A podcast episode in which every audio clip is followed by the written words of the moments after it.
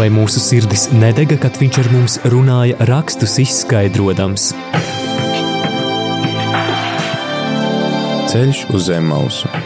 Lauzīsim kopā Dieva vārda maizi, iedziļinoties dažādos bibliskos tematos.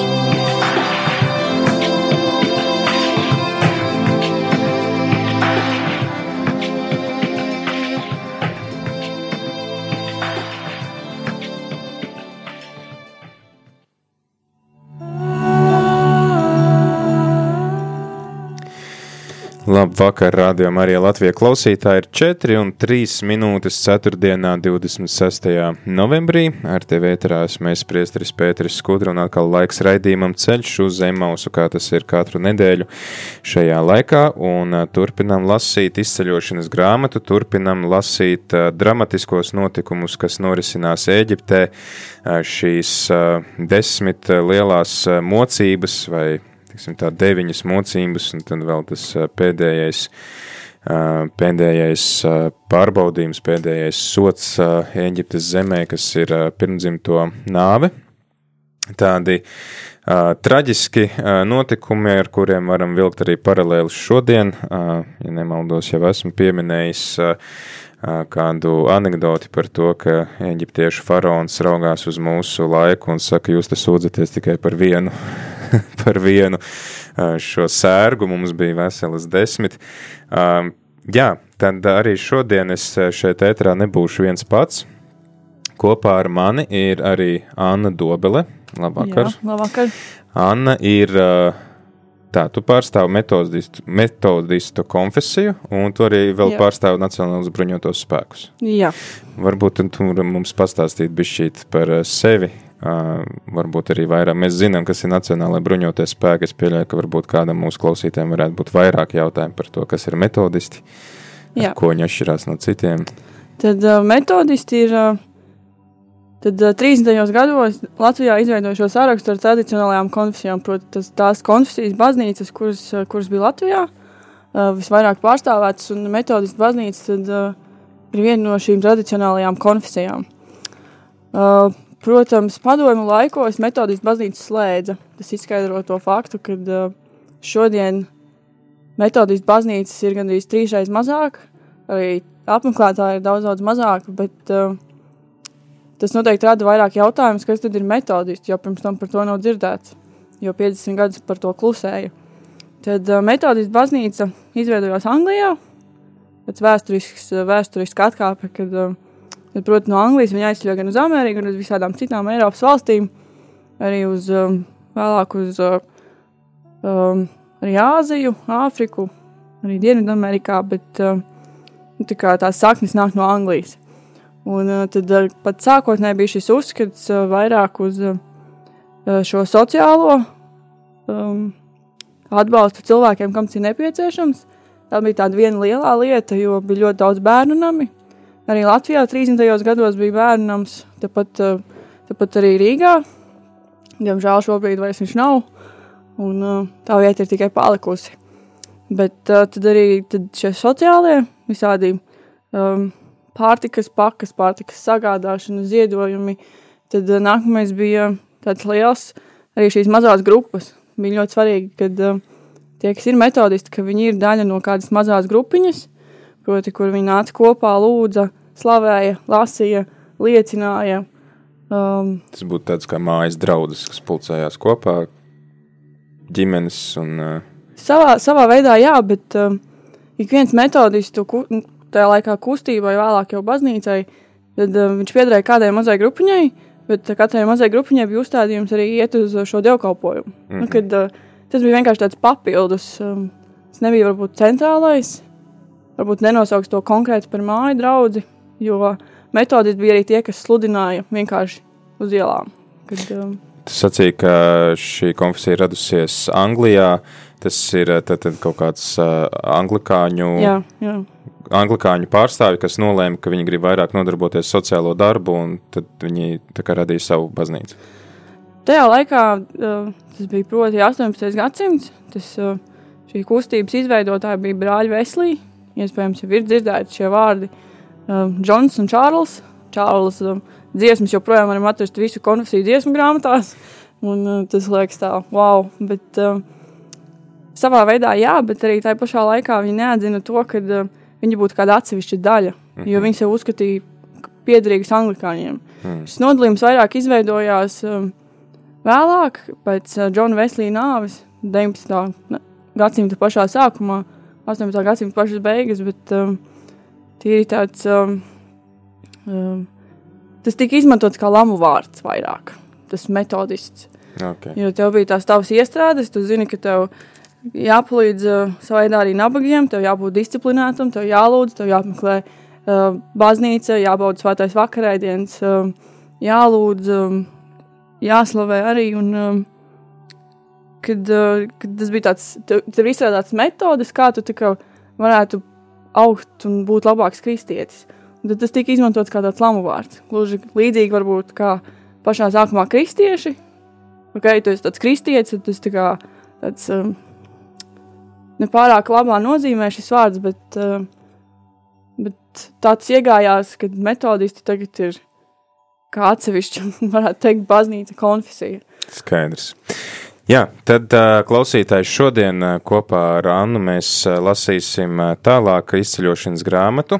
Esam nonākuši līdz desmitajai nodaļai un lasīsim par astoto mocību, par siseņiem, kas uzbruka Eģiptes zemē, un mēģināsim arī saprast, ko no tā visa varam paņemt šodienai, kas mūs uzrunā. Arī tu, klausītāji, noteikti var iesaistīties šajā sarunā, zvanot uz numuru 67 969 131, gan arī rakstot īziņas uz numuru 266 77 272.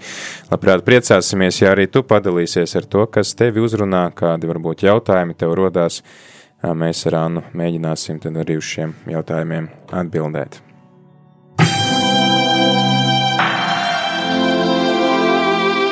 Vai mūsu sirdis nedega, kad viņš ar mums runāja rakstus izskaidrojams? Ceļš uz zem mausu. Lauzīsim kopā Dieva vārda maizi, iedziļinoties dažādos bibliskos tematos.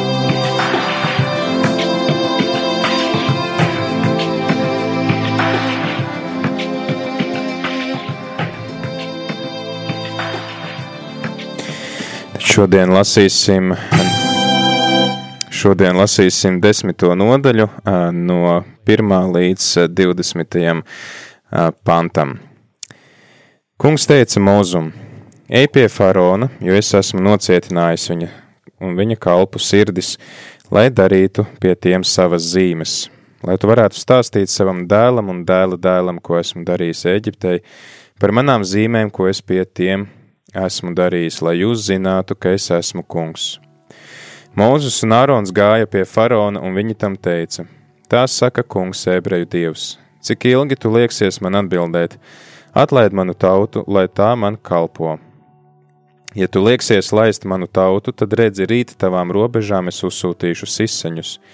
Tie apklās zemes plakstus, ka nevarēs redzēt, Tie rīs visu, kas jums pēc krūzes vēl palicis, un aprīs visus kokus, kas jums aug uz lauka. Tie piepildīs tavu namu, visu tavu kalpu namus un visas Eģiptes namus. Neko tādu nav redzējuši ne jūsu tēvi, ne jūsu tēvu tēvi kopš dienas, kad tie radās virs zemes līdz šai dienai. Un viņš pagriezās un aizgāja no faraona. Faraona kalpi tam teica: Cik ilgi šis vīrs būs mums par nelaimi? laidi tos ļaudis, lai viņi kalpo kungam, savam dievam, vai tu gribi sagaidīt, ka Eģipte aiziet bojā? Tad Mūzus, ar, tad Mūzu un Āronu atkal aicināja pie faraona, un viņš tiem teica: Ejiet, kalpojiet kungam, savam dievam, kuri tad būs tie gājēji? Mūzus teica: Mēs iesim kopā ar mūsu zēniem un mūsu vecajiem, mēs iesim kopā ar dēliem, meitām, mēs iesim kopā ar mūsu avīm un vēršiem, jo mums ir svētki kungam. Viņš tiem teica: Lai kungs ar jums nelaidīšu jūs un jūsu mazos, pieraugiet ļaunu jūs esat sadomājuši.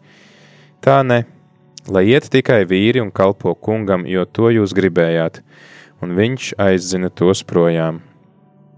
Kungs teica mūzum: Izstiep savu roku pār Eģiptes zemi, lai pār Eģiptes zemi nāks siseņi un aprīja klauka zāli, visu, kas palicis pāri pēc krūses. Mūzus izstiepa savu spieķi pār Eģiptes zemi. Tad kungs dzina pār zemi austrumu vēju visu dienu un visu nakti, pienāca rīts un austrumu vējš atnesa siseņus. Siseņi nāca pār visu zemi, pār visu Eģiptes zemi un apsēda pilnīgi visas Eģiptes robežas, pirms tiem vēl nebija bijis tādu siseņu kā šie, un arī pēc tiem tādu vairs nebija.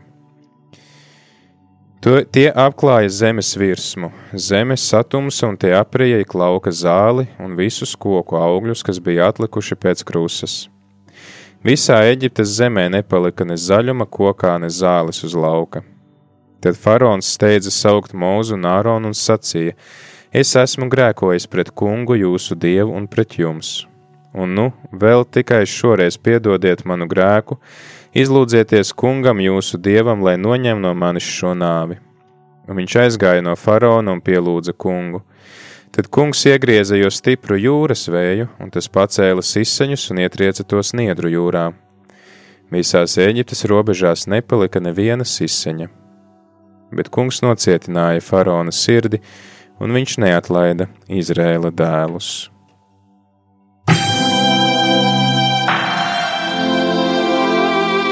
vai mūsu sirdis nedega, kad viņš ar mums runāja, rakstus izskaidrojams. Ceļš uz zem mausu. Lauzīsim kopā Dieva vārda maizi, iedziļinoties dažādos bibliskos tematos.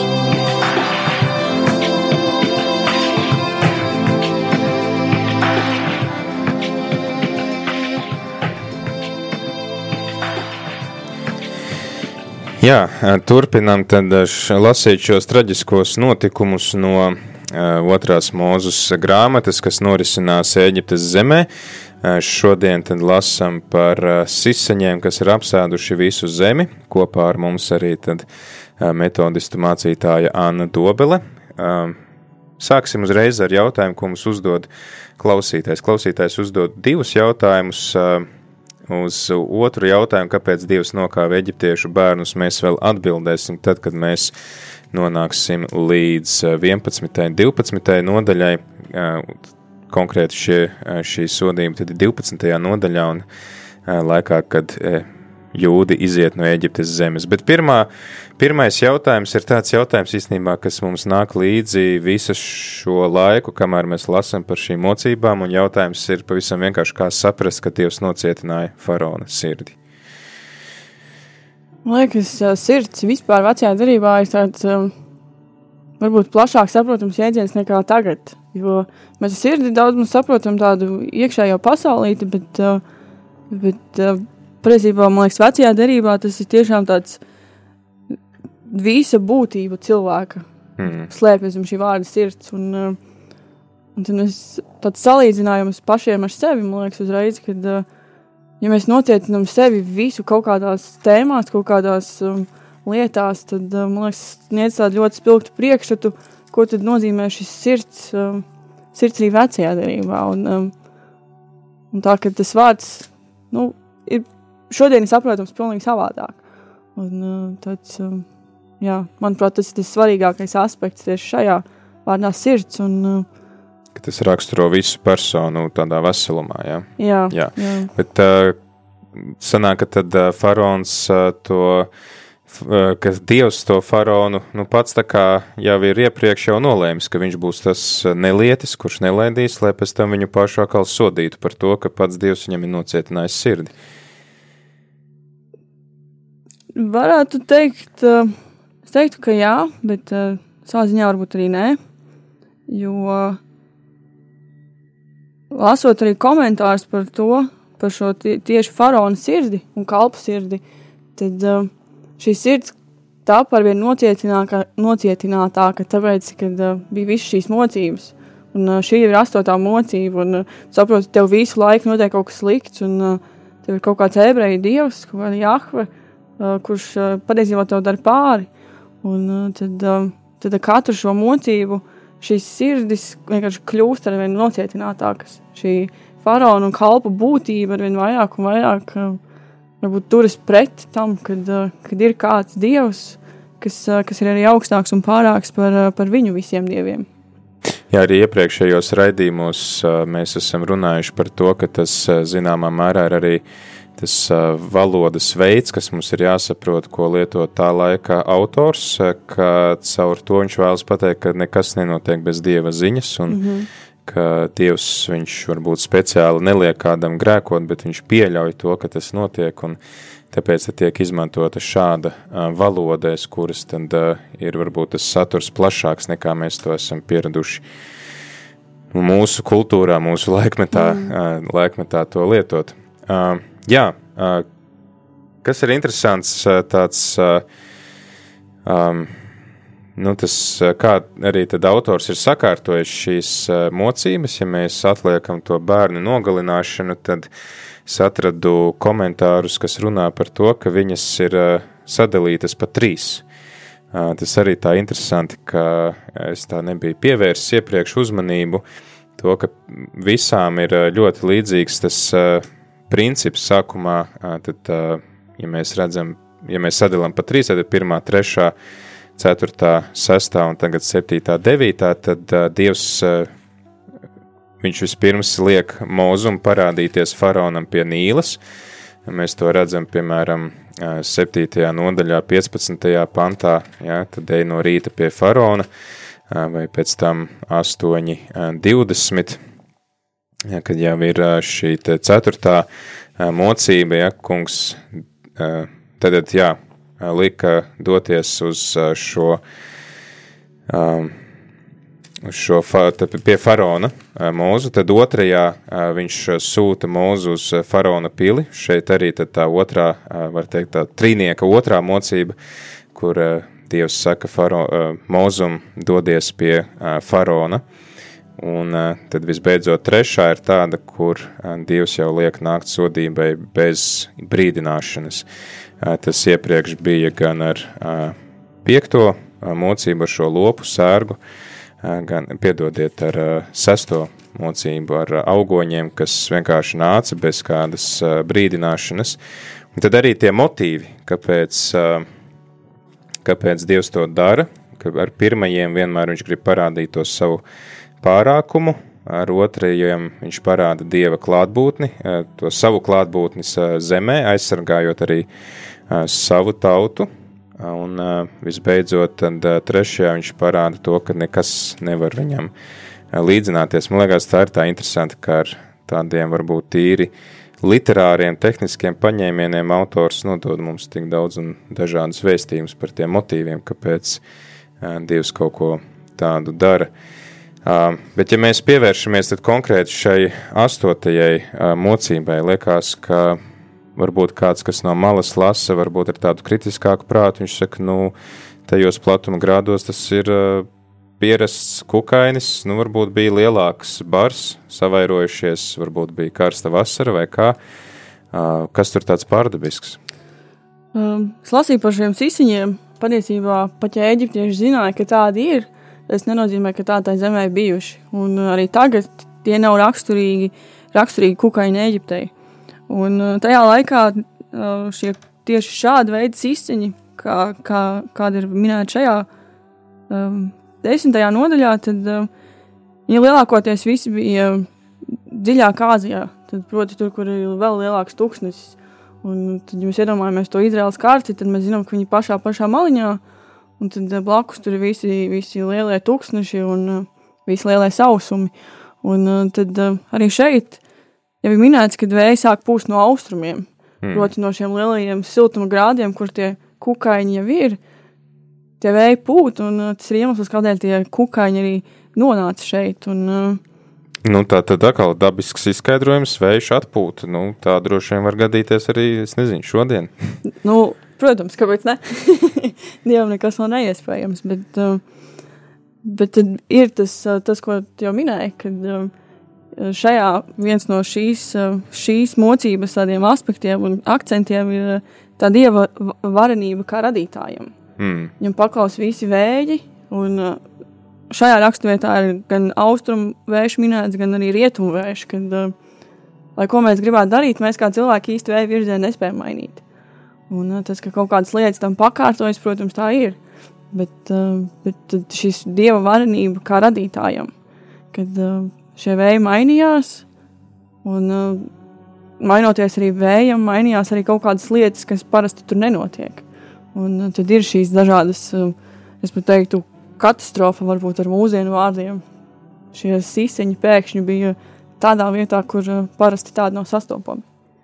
Jā, un tad, kas ir interesanti, ka vējš arī kā tāds nu, dieva gara simbols, ja, ka viņš pūš, kur viņš grib, un te arī mēs varam redzēt, ka viņš izmanto arī dabas spēkus, lai darbotos nu, savas tautas dzīvē. Šeit konkrēti viņš izmanto dabas spēkus, lai cīnītos savas tautas labā, bet tas arī var būt kā tāds nu, atgādinājums arī mums mācīties saskatīt Dievu dabā, tajā, tajos apstākļos, kuros mēs esam šobrīd. Manuprāt, jā, jo es nezinu, cik bieži jūs aizdomājaties vispār par to, cik skaista ir tā pasaule, kurā mēs dzīvojam. Un īstenībā, cik daudz mums Dievs caur to ir devis. Un um, saskatīt to skaistumu pat tajās lietās, kas mums varbūt liekas pašsaprotams. Tas var būt arī vējš, tas var būt um, saule. Um, iepriekšējās mocībās bija krusta un, uh, un kaut kādas tās pašas vārdas, kad, uh, kad Dievs to visu tik brīnišķīgi radījis. Un, uh, tas viss ir tāds milzīgs, manuprāt, kā mehānisms, ko Dievs vada, tā kā viņam patīk, tā kā viņam vajag, un tā, lai viņš atkal un atkal parādītu to, cik viņš ir liels un varants Dievs. Tas atkal atgādina tad, uh, radīšanas stāstu, kā Dievs rada visu dabu, un tagad viņš parādās arī kā šīs dabas valdnieks, uzturētājs, un tas, kurš tad arī dod pavēles. Vai, tiksim, arī šodien Dievs turpina mm, izmantot kaut kādus šos dabas procesus, lai, es nezinu, piemēram, laika apstākļus. Toms Brīsīs sola, ka būs lietas, un viņš saka, nē, šodien nebūs lietas. Vai tomēr Dievs ļauj notikt tiem dabas procesiem, tā kā tas ir paredzēts? Es domāju, ka gan, gan. Jo arī vecajā derībā šis stāsts ar Gideonu un Rasu, kad uh, bija šī slapjā uh, vilna, kur palika slapja, vai nepalika slapja, bet uh, Bet tas, ka Dievs uh, ļauj tam notikt arī kaut kādam procesam, es domāju, ka jā, jo no tā taču atkarīgi ir uh, augi, uh, dzīvnieki, uh, dažādi kukaiņi, zivis ūdenī, visdažādākās lietas, kad uh, tas nav tik viennozīmīgi pateikt, ka Dievs visu dara pa savam un viss nenotiek kā kaut kādā ritmā. Skaidrs, jā. Tad, tad Šodien lasām otrās mūža grāmatas, izceļošanas grāmatas desmito nodaļu. Runājam par šiem lielajiem sisaņiem, tad esam pārunājuši gan to formātu, kādā Dievs komunicē ar savu tautu un kā ir sakārtotas šīs mocības, gan arī par to, kā Dieva varenība izpaužās caur šiem dabas procesiem, kā mēs arī šodien uzlūkojot dabu, dabas varenību, varam tajā saskatīt dieva klātbūtni. Tagad laiks dziesmai, pēc tās turpināsim ar šīs dienas raidījumu.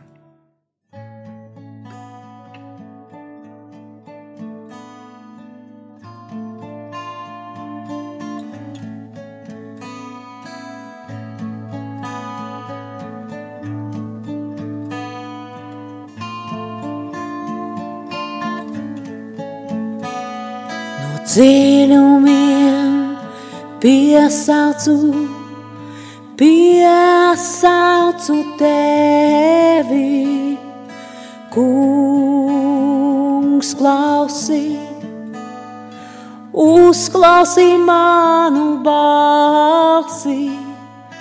Ja tu gribi noziegumus pielīdzināt, kas gan lai pastāv.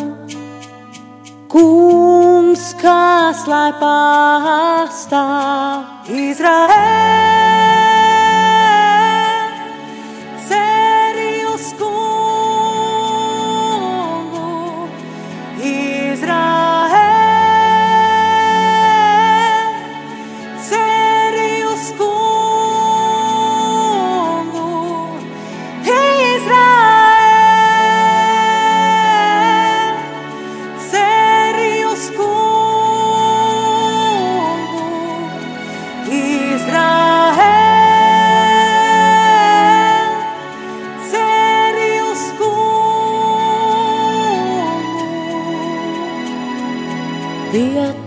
Tevis ir piedošana, lai visi tevi bīstās. Es gaidu uz kungu, paļaujos uz viņa vārdu. Mana dvēsele gaida, gaida uz vairāk kā nakts sargi. Gaida uz rīta asmu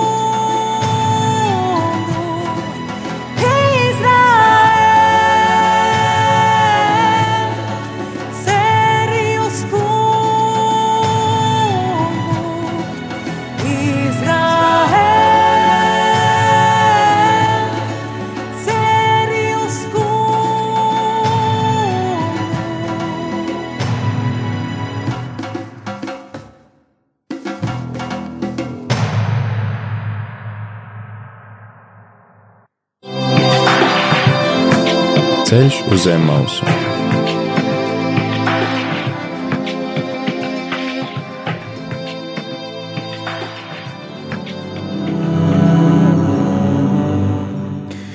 Turpinām raidījumu ceļš uz Emausu. Ar tevi ēterā es priesteris Pēteris Skudru un kopā ar mums arī uh, metodistu mācītāja Anna Dobele. Šodien runājam par uh, izceļošanas grāmatas desmito nodaļu par astoto mocību, kur uh, siseņi lieliem bariem uzbruk uh, eģiptiešiem. Uh, kas mainās? Kas mainās ar uh, šiem siseņiem? Jo liekas, ka nu, tas rezultāts tāpat kā iepriekš. Uh, siseņi nekaitē uh, izredzētajai tautai, kaitē visai Eģiptes zemē, visām Eģiptes robežām. Uh, faraons sauc, nu labi, labi, um, pēc tam ainēs pārdomāja. Jo, man liekas, viens no svarīgiem aspektiem, varbūt, par ko mēs neiedomājamies, ir tieši šis ekonomiskais un finansiālais. Jo šie siseņi iznīcināja visu labību, tur bija visus augus praktiski apēd, un labība un jebkura veida, man liekas, zemkopība tajā laikā bija ļoti uh, svarīga. Jā, uh, Ja mēs pagājušajā lasījām, ka, bet interesanti arī, ka tā krusa jau, kas bija iepriekšējā mocība krusa, viņa sakapāja gan uh, kokvilnu, gan arī tad labību, kas bija izaugusi, kas, nu jā, bija arī galvenās tur tās eksporta Mhm. preces Eģiptes zemē. A, ko tad tie izsiseņi tagad var ēst, ja visa labība jau iepriekš jau tika nosist? Uh, te tika minēti visi tie augļi un, uh, un lapas. Un, uh, Tur nebija konkrēts, tikai, piemēram, koka vilna vai kas, bet tur bija augļi un, uh, manuprāt, vēl kaut kas. Um, es sīkā nevaru atrast. Bet, arī, kad pastāst uz augu, Jā, tie teica, lai, lai siseņa aprī ik lauka zāle, tas ir 12. O, O, pāns, jā. jā. Pēc tam 14. 15. kad, kad, eh, piemēram, augam, krūmam, viņam viss lapiņas nobirst, viņš jau arī nespēja attaukt. Mm. Un tie paši arī, kaut kādi augļi, kas jau tur ir sākuši veidoties, eh, kad, eh, ja viņas apēd, tev kā cilvēkam nav ko ievākt. Un, eh, tev, labi, tev nebūs labība, nu, ko iznīcinājusi krusta, bet, bet te pašā laikā tev nav pat, nezinu, tur ābols, ko apēst, vai ievākt, vai vīnogas, kad, Tas sanāk, ka, ka Dievs Eģiptes tautu atstāja pavisam nabagus. Un, Es un pat badā. teiktu, jā. Nu, tāds um, viens no, viena no lietām, kas varbūt faraonam lika aicināt mūzu un ārā un teikt, ok, varbūt slaidīšu jūs ejos tikai prom. Jo, kad uh, tev kā valdniekam tajā laikā tev, daudz, tev ir jārūpējas par savu tautu. Nevarēja tā, ka uh, tur dzīvo nenormālā pārticībā, bet, uh, bet tajā pašā laikā, nu, labi, karalim tur faraonam cits status, nekā parastam cilvēkam, bet, ja mēs padomājam no tāda pūļa skatu punkta, tad uh, tev valstī nav pilnīgi nekas, ko ēst. Tad visticamāk, tie cilvēki dosies prom. Mm. Uh, tas jau bija arī iemesls, kādēļ uh, pirms tam pirmajā mūža grāmatā tad, uh, gan uh, Izraēla tauta sāka izceļot uz uh, Ēģipti. Un, uh, Tieši tad atkal visas tautas plūda uz Eģipti, jo tur bija ko ēst. jā, tagad bija tad- ko nav ēst. ko Un, uh, ēst. un tagad nav ko ēst. Un, un tā tīri loģiski domājot, kad uh, ļoti daudz cilvēku aizceļot prom, meklēt labākus, lauk, labākus laikus, bet uh, tajā pašā laikā mēs arī tagad mūsdienās sakam to, ka uh, nauda seko cilvēkam, arī pašvaldībās. Kad, uh, ja, ja tava tauta tevi pamet, tev jau nav arī kas tev maksā nodevas. Mm. Kā karalis, faraons šajā gadījumā nespēja vairs dzīvot tā, kā tu esi dzīvojis pirms tam. Un, uh, man liekas, tāda lieta, ko mums jāņem vērā, kāpēc faraons jau varbūt jau sāk pārdomāt, ja pirms tam ir bijušas tādas lietas, un tagad ir vēl sliktāki apstākļi. Ja, man liekas, te arī ir redzams, ka pie, ja pie septītās mocības mēs redzējām to, ka ir jau eģiptiešu vidū tādi e, faraona kalpi, kas e, jau paklausa dieva pavēlēm, mm. un ja tur bija tā pavēle, ka tas, kurš neievedīs e, mājās lopus un, un vergus, ka tā krusa viņus nositīs un bija eģiptieši, kas paklausīja, un bija tādi, kas ne, tad mēs jau redzam, ka tagad jau ir faraona kalpi, kas pat nekautrējās jau faraonam aizrādīt. Ja? 7. pantā ir teikts, cik ilgi šis vīrs būs mums par nelaimi, lai tos ļaudis, lai viņi kalpo kungam, savam dievam. Vai tu gribi sagaidīt, ka Eģipte aiziet bojā? Tad jau ā, mēs redzam, teikt, ka nu, cilvēki ņem vērā to dieva spēku, to dieva mm -hmm. apliecināšanu un, un sāk, um, sāk arī nebaidīties teiksim, par to liecināt, aicināt arī citus ievērot un ņemt vērā. Jā, un tam man liekas, arī tas otrs aspekts no faraona puses. uh, Es pat teiktu, arī viena no lietām, ko mēs varam atliecināt uz šodien, tas spīts. Kad, uh, kad uh, ir tas ietiepies, un nē, nu, tā, ka tu darīsi pa savam, bet uh, labāk jau nepaliek. Arī Eģiptes tautai kā tādai, kad uh, viņi arī šajā mocībā viņiem paliek ar vien sliktāk. Un tad ir, protams, šī neapmierinātība, kur jau sāk izpausties. Un, un tev kā faraonam tu īsti jau noteikti negribi ļaut, lai tavi kalpi tev sāk mācīt, kas tev jādara. Jā. Man liekas, ka arī nu, kāds varbūt var prasīt, cik tā mēs te varam lasīt par tām mocībām jau vairāk kā mēnesi šeit. Bet es domāju, ka tas, tas kas mani uzrunā, arī lasot šo nodaļu, ir tas, ka Dievs visu laiku dod to iespēju. Ja, te arī, teiksim, te var pat teikt, ir tāds, um, nu, var teikt tāds kā izmisums, nu, cik ilgi tu lieksies, ja, cik, cik ilgi, nu, ka varbūt tomēr, ja, nu, beidzot, es tev dodu vēl iespēju, ja, ka, ka no vienas puses, ka jā, mēs varam redzēt, ka šeit kā, nu, parādās, ka caur to dieva varenību arī nāk tas dieva sots, bet tas tomēr ir tāds audzinošs, pedagoģisks, ka viņš arī dod to iespēju. Man liekas, tas arī ir svarīgi, um, nu, tā, tāds arī aicinājums uh, mums kristiešiem, ja, ka viens ir novērtēt un pateikties Dievam, ka viņš ir mums, ar mums pacietīgs, Jā. un tāpat laikā tad arī mācīties to pacietību, pēc tam rādīt tālāk citiem. Jā, tad tā ir, tā ir lieta, ko mēs noteikti varam paņemt no šī fragmenta, mācīties Dieva pacietību, to, ka Dievs dod tās iespējas, un arī redzam, ka jau ir cilvēki, kas sāk ņemt to vērā, un kas sāk paklausīt, un tas arī varbūt dod tādu cerību tiem, kuri lūdzās par kādiem saviem nezinu, tuviniekiem, draugiem, kas varbūt ir neticīgi vai kas ilgi pretojās dievam, bet ka caur tādu nu, pacietīgu lūkšanu. Dievs, varbūt tie cilvēki kādā brīdī atvērsies tām dievu iedvesmām, ka viņš turpina arī nākt pie šiem cilvēkiem nemitīgi. Jā, manuprāt, jā. Nu, kad, uh, mēs jau kā cilvēki arī tagad nocietinām sirdis. Ja mums notiek kaut kas ne tā, tad, uh, vienmēr šis jautājums, kur tad šajā visā ir Dievs un kāpēc kaut kas tāds notiek. Un, uh, un tad ir šis uh, Dieva pacietības, uh, pacietības mērs, kurš ir neizsmeļams. un mēs kā cilvēki varam tikai mācīties no tā un, un atcerēties to, ka mēs esam kā cilvēki dažkārt spītīgi. Un, mēs neļaujamies kā saprast, un ne tikai pat saprast, bet piedzīvot un izzināt, izzināt arī to, ka uh, Dievs var mainīt kaut kādas lietas. Un, uh, un Eģiptē šī Eģiptes tauta cieta no tā, ka uh, viens bija iespītējies un teica, nē, es vēl nedošu tev visus cilvēkus. Jā, man liekas, ka tas arī ir ā, no vienas puses Dievs, kā viņš nāk palīgās savai tautai. Var teikt, arī, nu, kāpēc viņš tik ilgi tur ņemās ar tiem eģiptiešiem. Mm. Viņš varēja uzreiz tur visus nogalināt un, un izvest tautu, bet uh, man liekas, ka tiksim, tā arī tad, kad mēs kaut ko lūdzam Dievam, ja, Dievs saka, labi, es tev iešu palīgā, te arī mēs iesākām otro mūzes grāmatu lasīt, ka caur mūzu uh, Dievs saka, es esmu dzirdējis jūsu tās vaimanas, un es esmu tās ņēmis vērā, un es tām atbildēšu, bet uh, tas nenozīmē, ka tagad nākot man palīgā, Dievs grib iznīcināt to otru, viņš grib arī, teiksim, tam varmākam, tam apspiedējam arī dot kaut kādu iespēju, un uh, varbūt, ka tas arī kalpo kā tāds uh, iedrošinājums mums būt pacietīgiem, vēršoties ar kaut kādiem palīdzības lūgumiem pie Dieva, ka Dievs izpildīs to solījumu, Viņš dos mums to brīvību, bet Viņš arī vēl tad, nu, dod to iespēju arī tiem citiem vēl kopā ar mums saņemt to glābšanu un atbrīvošanu. Mm -hmm. Bet tu minēji arī to, tu minēji to, ka mēs paši esam spītīgi un reizēm nocietinām savas sirdis pret Dievu. Ko tu iesaki darīt, lai mēs nebūtu kā tas faraons? Man liekas, pirmā lieta ir, ka mēs saprotam, ka mēs tādā esam, ka mēs atzīstam un savā veidā varbūt dzīvojam savu veidu patiesībā tajā, kad, ka mūsos ir kādi spīti, mūsos ir kaut kādas lietas, ko mēs negribam mainīt, ka mums ir labi tā, kā mums ir. Un, manuprāt, tas arī pats svarīgākais solis.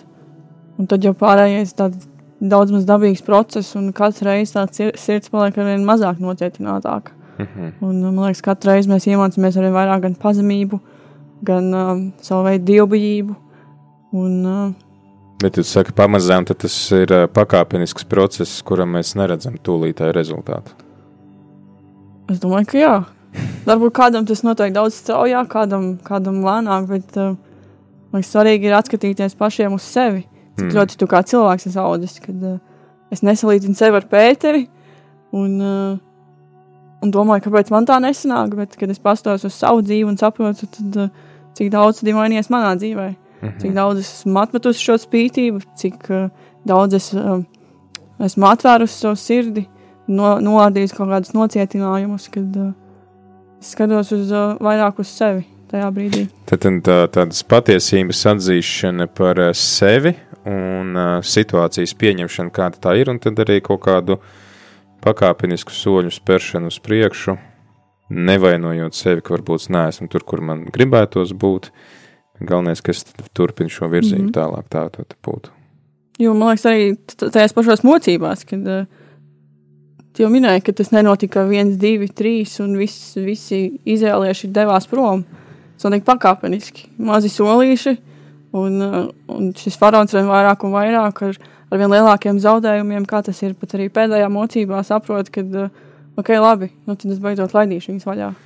Jā, te arī mums ā, klausītājs raksta, ja tas bija faraons, kas pretojās un neklausīja dievam, tad vajadzēja arī ar viņu tikai tikt galā, nevis likt ciest visai tautai. Nu, viņš kā faraons jau ir atbildīgs par savu tautu. Un uh, tās ir tās lietas, par ko man liekas, dzīvē mēs uh, mācāmies arī uzņemties atbildību par kādu citu. Un, uh, tas, ka mums kādā brīdī ir labi, nenozīmē, ka citiem ir labi. Hmm. Es domāju, ka te mēs arī varam ņemt vērā varbūt tādus divus aspektus, ka pirmkārt mūsu rīcība ietekmē ne tikai manu dzīvi, bet arī citu cilvēku dzīvi. Jā. Un ā, tad, teiksim šeit šīs ā, faraonas turgalvības dēļ cieši citi. Un otrs, tad arī atcerēties apustuļa Pāvila aicinājumu lūgties par valdībām, Jā. lai tās arī pieņem tādus atbildīgus lēmumus, kas neliek ciest tautai. Mm.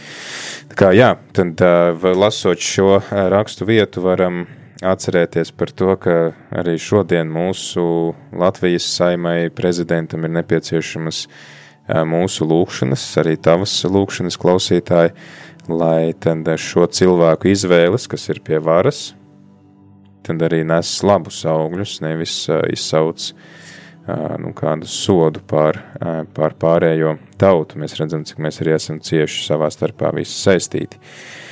Uh, jā, tad vēl tāda varbūt pēdējā lieta, pirms mēs noslēdzam raidījumu. Kāpēc te, jo te tagad faraons saka, labi, uh, ejiet, uh, ejiet kalpot uh, kungam,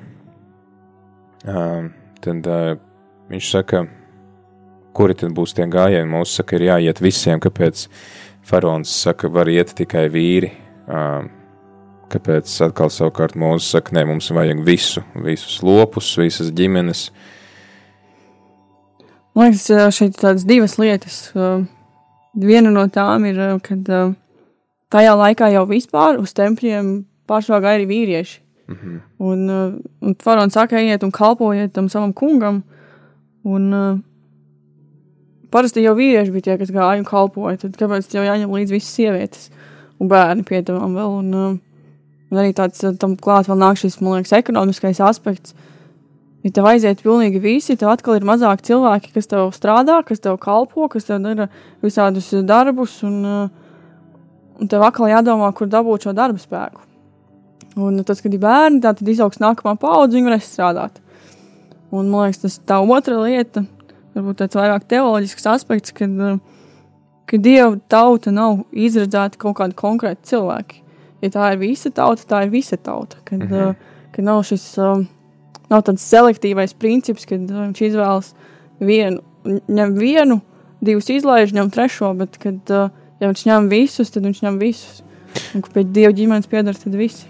Jā, man liekas, ka saistībā arī ar to kalpošanu tas ir uh, interesanti, ka bieži vien mēs uz uh, šo izceļošanu raugāmies arī nu, no tādas kristības perspektīvas, ka tagad ir uh, nu, tā dzīve, teiksim, bez Jēzus. Mēs uh, uh, esam tajā Eģiptes verdzībā, kaut kādu dažādu atkarību, grēku verdzībā, un tad ir uh, Jēzus, mēs viņu pieņemam kristības sakramentā, viņš nu, mums dāvā šo kristības ūdeni, kas aizskalo visu to grēku projām, un tad viņš mūs ieved apsolītajā zemē, kas tad būtu, teiksim, šī dieva tauta, ā, tad, ka te ir, te ir interesanti tā iziešana no Eģiptes ir saistīta ar kalpošanu dievam, ka tas nav vienkārši, ka tu aizēji prom no grēka, tad tu arī uh, uzsāc arī, nu, pieņem kaut kādus jaunus, uh, jaunus tikumus, jaunu dzīvesveidu, ka tas ietver kalpošanu dievam. Man tas sa- sasaistās vienkārši šodien no rīta vadīju citu raidījumu, kur mēs runājām par to, ka ir labi, ka tu nedari sliktu, bet slikti, ka tu nedari labu. Mm. Jā, un šeit arī, jā, ne, tas nav tikai tāds aicinājums iziet no verdzības, jā, bet mēs ejam, lai kalpotu Dievam. Ja tas man liekas arī tas uh, jēzus aicinājums. Mm, Mīl savu tuvāko kā sevi pašu. Mhm. Un tad, ja mēs sevi mīlam, mēs jau arī nu, tā kā mums patīk rūpēties par sevi. Mēs darām vienu lietu, mēs darām otru lietu. Tur kāds varbūt vairāk sporto, kāds ēd veselīgi. Uh, mums kādas kaitas, mēs ejam pie ārstiem. Bet uh, tas pats jau arī, ja mēs mīlam sevi, mums jāmīl arī otrs. Ja mēs mīlam otru, tad jau mēs arī pret viņu izrādām šīs rūpes, kas savā veidā jau ir šī kalpošana otram. Līdz ar to arī kalpojot otram, mēs ā, kalpojam ā, Dievam.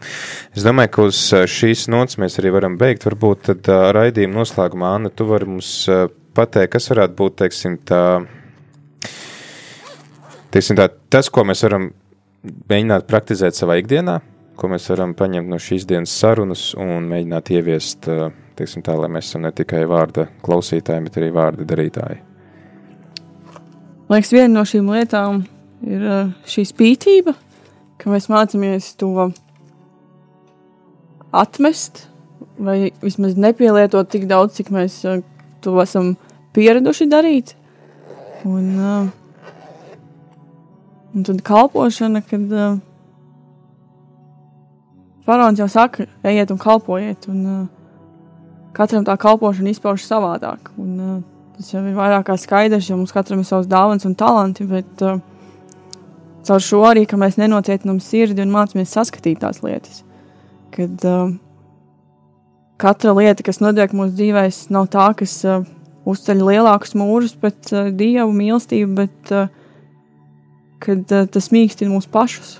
Mhm. Un, uh, tas būtu tas mans novēlējums.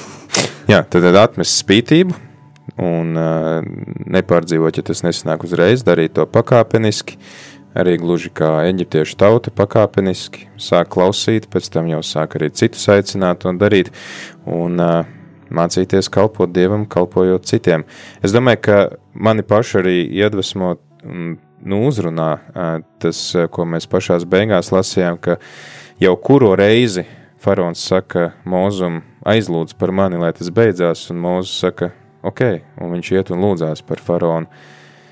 Kaut arī pēc tam atkal sako tas uh, viss, uh, nu, teiksim, tās nākamās, nē, ka viņš tomēr nocietina savu sirdi. Tad, uh, nu, teiksim, būt gataviem lūgt par tiem, kuri varbūt arī mums, nu, nav pārliecības, ka viņi pēc tam baigi mums tur glaudīs pa spalvai, bet turpināt lūgt par šiem cilvēkiem. Kā Pāvils saka, lūdziet bez mitēšanās.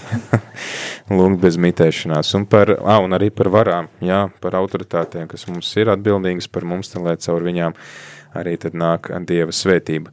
Nu, ko ar to mēs tad arī noslēgsim, ļausim klausītājiem sagatavoties jau nākamajam raidījumam. Vīri jau ir ieņēmuši jau zemo startu, lai izietu ēterā. Šodien tad mūs nomainīs raidījums laiks īstiem vīriem pulksten piecos. Paldies, Anna, ka bija kopā ar mums Paldies, un ā, palīdzēja labāk saprast šīs dienas dievu vārdu. Paldies arī tev, klausītāji, ka varam sastapties šeit ētrā, ka klausies, ka atbalsti radio Marija un palieciet tad kopā ar mums arī nākamajā stundā, kad pie mums būs laiks īstiem vīriem. Ceļš uz zem mausu.